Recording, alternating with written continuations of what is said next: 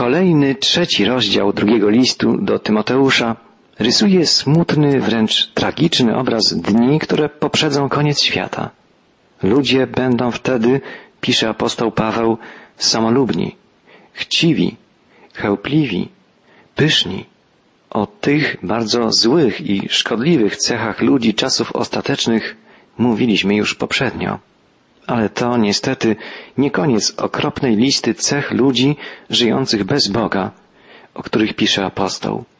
Dalej czytamy w początkowych wierszach trzeciego rozdziału drugiego listu do Tymoteusza, że ludzie ci będą bluźniercami, że będą nieposłuszni rodzicom, niewdzięczni, bezbożni, bez serca, nieprzejednani.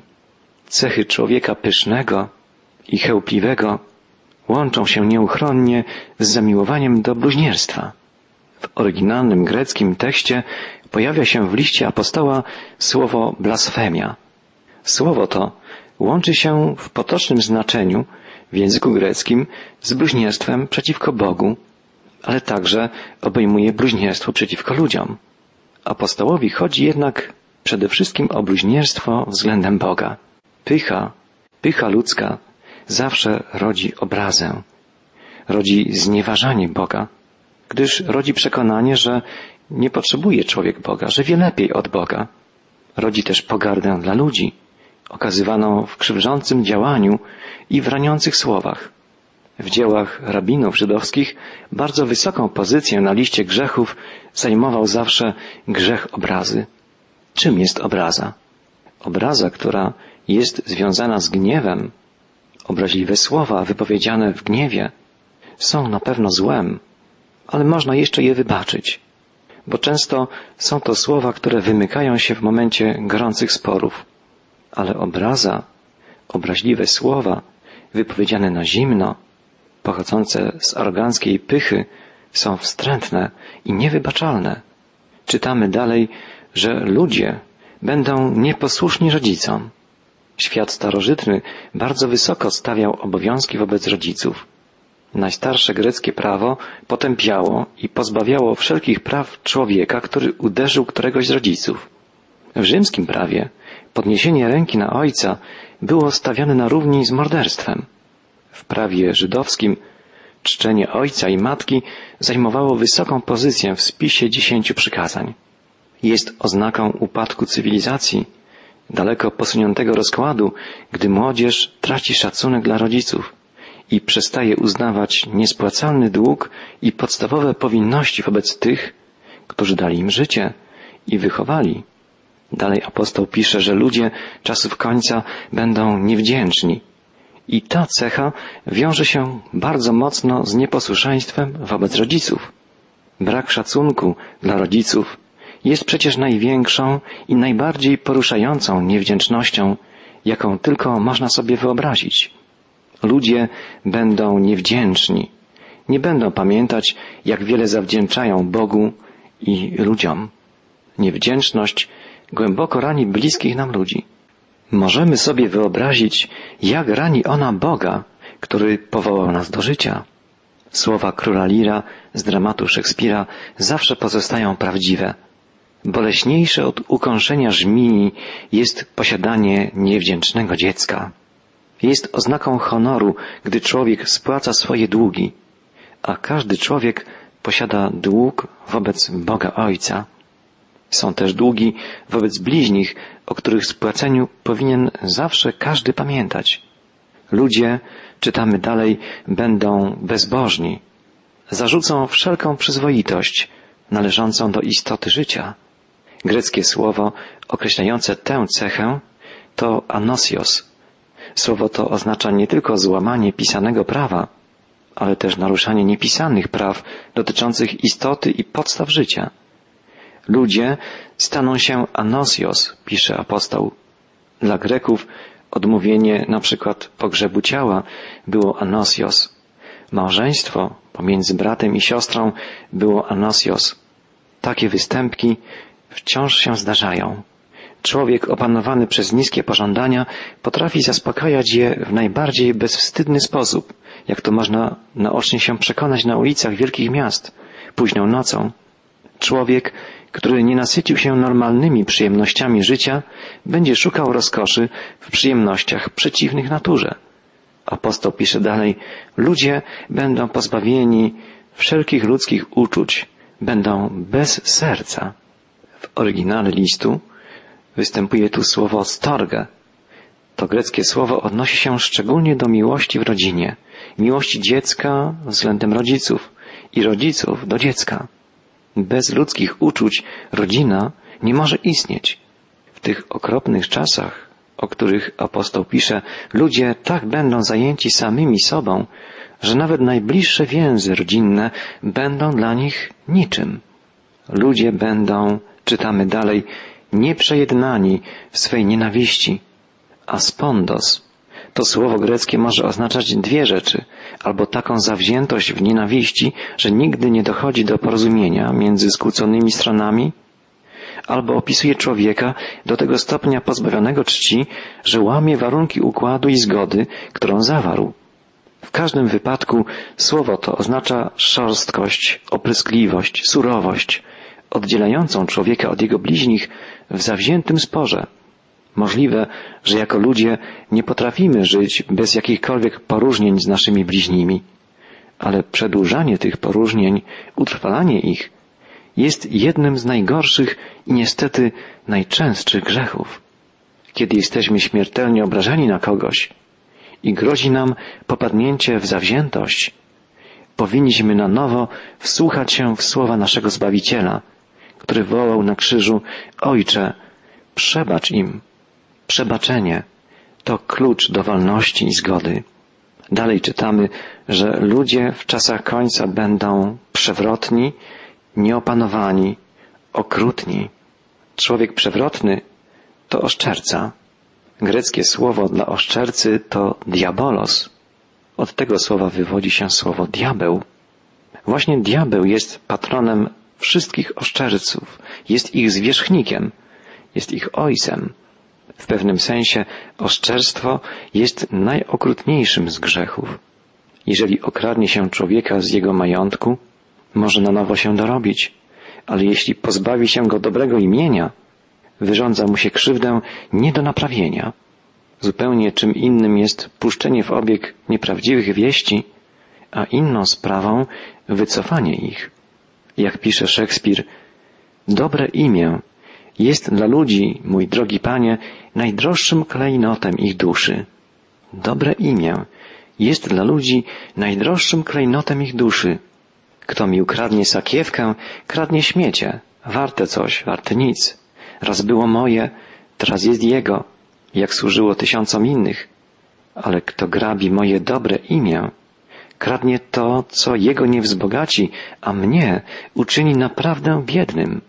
Tak, Szekspir ma rację.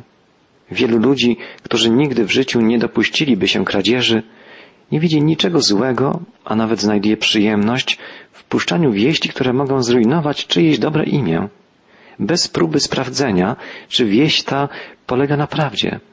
W wielu kościołach jest wystarczająca ilość oszczerstw, aby anioł, który spisuje słowa, płakał gorzko. Zastanówmy się nad tym. Dalej czytamy, że ludzie będą niepowściągliwi w swych pożądaniach. Człowiek może dojść do takiego stanu, w którym nie tylko nie potrafi roztoczyć kontroli nad jakimś nałogiem czy pożądaniem, ale stanie się jego niewolnikiem. Jest to droga prowadząca nieuchronnie do ruiny, ponieważ człowiek nie potrafi nad niczym panować, jeśli wpierw nie zapanuje nad sobą. Dalej apostoł pisze, iż ludzie będą okrutni. Użyte tu słowo greckie anemeros bardziej odnosi się do zwierząt niż do ludzi. Oznacza okrucieństwo bez wrażliwości i bez współczucia, bez wyższych uczuć.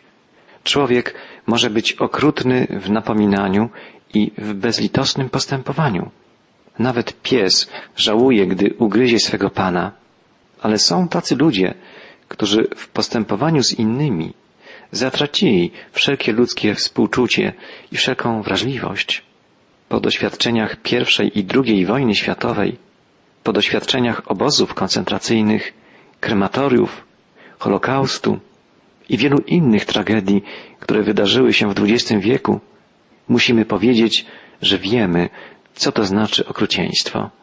Człowiek może być okrutny i gdy taki będzie, pisze apostoł, będzie to znakiem zbliżania się końca świata.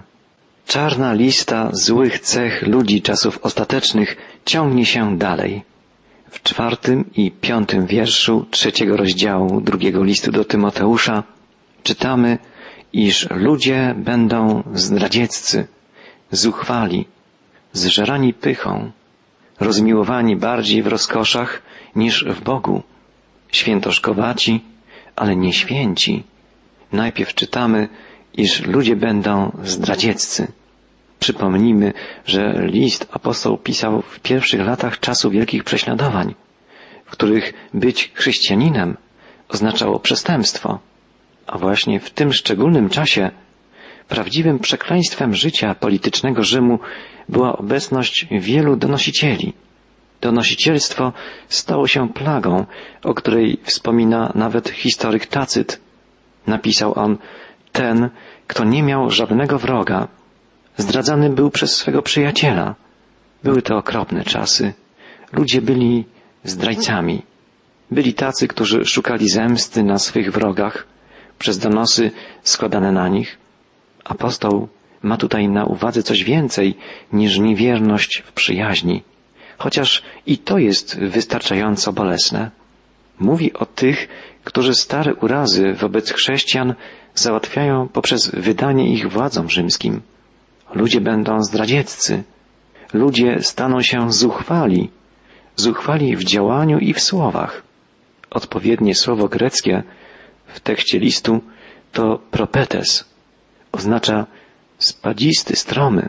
Oznacza człowieka, który do tego stopnia uniesiony jest namiętnością czy popędem, że staje się niezdolny do myślenia na trzeźwo.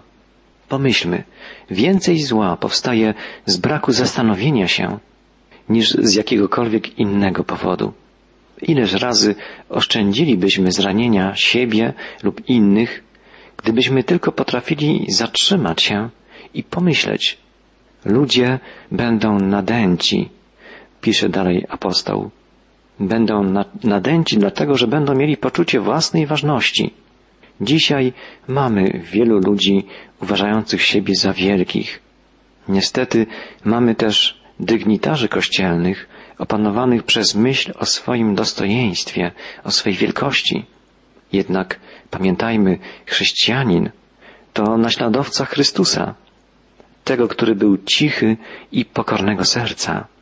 Ludzie będą miłowali bardziej rozkosze niż Boga, pisze dalej apostoł. Ludzie umieszczają w centrum swego życia swoje własne pożądania. Oddają cześć samym sobie. Uwielbiają siebie zamiast Boga i marzą o przyjemnościach, o rozkoszach. Nie myślą o Bogu. Ostatecznym potępieniem tych ludzi jest fakt, że zachowują pozory religijności, ale są zaprzeczeniem jej mocy. Można powiedzieć, że wykonują prawidłowe gesty i przestrzegają zewnętrznych obrzędów religijnych, ale nic nie wiedzą o prawdziwym chrześcijaństwie, jako o dynamicznej i wspaniałej mocy, która może zmieniać życie człowieka. Ludzie rozmiłowani bardziej w rozkoszach niż w Bogu, ludzie kochający bardziej przyjemność niż Boga. Zastanówmy się nad tymi słowami i badajmy przede wszystkim własne serce. Zauważmy, że na końcu tej okropnej listy cech ludzi żyjących bez Boga apostoł umieścił pozorną, powierzchowną religijność. Nazwał ludzi takich świętoszkowatymi, ale nie świętymi. To ludzie, którzy przestrzegają pewnych zewnętrznych obrzędów religijnych, ale tak naprawdę nie żyją na co dzień z Bogiem. Dalej apostoł pisze, jak czytamy w szóstym i siódmym wierszu trzeciego rozdziału drugiego listu do Tymoteusza. Są wśród nich tacy, którzy wciskają się do domów i uwodzą kobiety, obarczone grzechami na skutek ulegania różnym pożądaniom. Uczą się one nieustannie, ale nigdy nie mogą dojść do poznania prawdy. Chrześcijańska emancypacja kobiet niosła za sobą nieuchronne problemy. Już nieraz mówiliśmy o tym, jak zamknięte było życie szanującej się kobiety w starożytnej Grecji, jak wychowanie przebiegało pod ścisłym nadzorem, jak nie chciano, by dziewczynka widziała cokolwiek, słyszała cokolwiek lub zadawała jakiekolwiek pytania, jak świadczą greccy historycy. Nigdy, nawet w sprawie zakupów, nie mogła sama wychodzić na ulicę. Nie wolno było kobiecie w ogóle pokazywać się na publicznych zgromadzeniach. Chrześcijaństwo wniosło wielkie zmiany, ale też powstały poprzez to nowe problemy. Należało z góry oczekiwać, że znajdą się kobiety, które nie będą umiały korzystać z tej nowej wolności. Znaleźli się też oczywiście fałszywi nauczyciele, którzy nie omieszkali z tej sytuacji skorzystać. Były dwa sposoby, na które owi fałszywi nauczyciele mogli w czasach Tymoteusza wywierać zły wpływ na kobiety. Pamiętajmy, że byli wśród nich gnostycy, a podstawowym założeniem gnostycyzmu było przeświadczenie, że duch jest całkowicie dobry, natomiast materia jest z gruntu zła. Mówiliśmy już poprzednio, iż mogło to wywrzeć dwa skrajnie różne skutki. Gnostycy nauczali, że trzeba wprowadzać surową ascezę we wszystkim, co dotyczy ciała, gdyż materia jest zła, albo, że wobec tego, iż ciało jest i tak złe, nie ma znaczenia, co człowiek robi ze swoim ciałem i może bez skrępowania zaspokajać wszystkie jego pożądania. Gnostycy, jako nauczyciele, przedkładali te nauki wrażliwym kobietom. I w wyniku tego kobiety albo wyłamywały się z więzów małżeńskich, aby oddać się ascezie, albo dawały upust niskim instynktom, oddając się nieprawym stosunkom. W każdym przypadku życie rodzinne i dom ulegały zniszczeniu. Do dzisiaj nauczyciel z łatwością może zdobyć niewłaściwy i niezdrowy wpływ na innych, szczególnie na ludzi wrażliwych. Apostoł Paweł pisze, iż ludzie tacy chętnie uczą się od byle kogo, a nigdy nie mogą dojść do poznania prawdy. Jest taki typ człowieka, który gorliwie dyskutuje o każdej nowej teorii. Zawsze wydaje się głęboko zaangażowany w najnowszą modę w życiu, także niestety religijnym. I nie ma ochoty poddać się najzwyklejszej codziennej dyscyplinie, aby żyć prawdziwie chrześcijańskim życiem. Nic nie zastąpi moralnej czystości, prawego, bogobojnego życia na co dzień. Bóg wzywa nas, żebyśmy całych siebie poddawali nieustannemu procesowi działania Jego ducha, żeby nasze ciało, nasz umysł, nasze serce były stale oczyszczane i uświęcane i żeby z tej nieustającej przemiany rodziły się czyny miłości. I to jest istotą chrześcijaństwa.